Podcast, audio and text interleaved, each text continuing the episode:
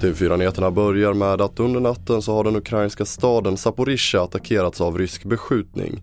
Anatolij Kurtsev, sekreterare i Zaporizjzja-regionen, skriver på telegram att 17 personer har dödats och flerfamiljshus och bostäder har förstörts i attacken. Räddningstjänsten arbetar just nu på platsen men Kurtsev uppmanar invånare i staden att ta sig till platsen för att hjälpa till med efterarbetet.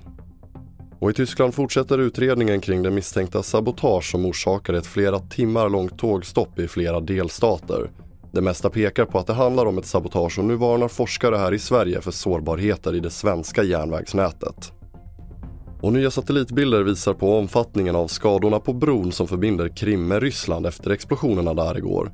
Från ryskt håll uppges att den strategiskt viktiga bron repareras och trafiken redan delvis är igång och även om det är oklart vad som ligger bakom explosionen ses den som en stor fördel för den ukrainska sidan.